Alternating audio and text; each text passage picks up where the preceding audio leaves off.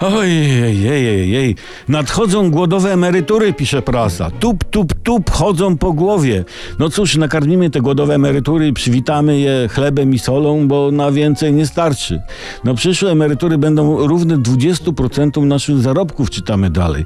No coś tym jest, że tak może być, bo jedna znajoma po 15 latach pracy w urzędzie dostała list od ZUS-u, że jak będzie zarabiać do emerytury na tym poziomie co teraz, to jej emerytura wyniesie 430 zł. Ha. Jednym słowem ZUS wysyła do przyszłych emerytów niedwuznaczne przesłanie. Gień! Ja, ja, ja też w sumie dostałem list od ZUS-u kiedyś z wyliczeniem emerytury. Połączyłem te cyfry w liście z wysokością emerytury, no i później ten rysunek pokolorowałem na brązowo i wyszedł mi obraz mojej emerytury.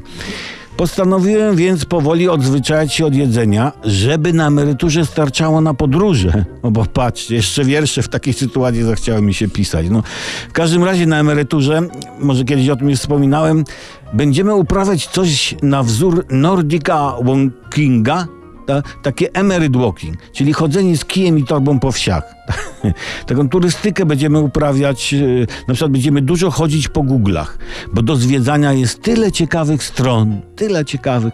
Ja wolny czas też zamierzam spędzić emocjonująco. Będę obserwował, jak rozkłada się torba foliowa i pisał na ten temat wstrząsający blog. No, biorąc to wszystko pod uwagę, trzeba powiedzieć, że pytanie, ile dostaniemy na emeryturze, jest bardzo źle postawione.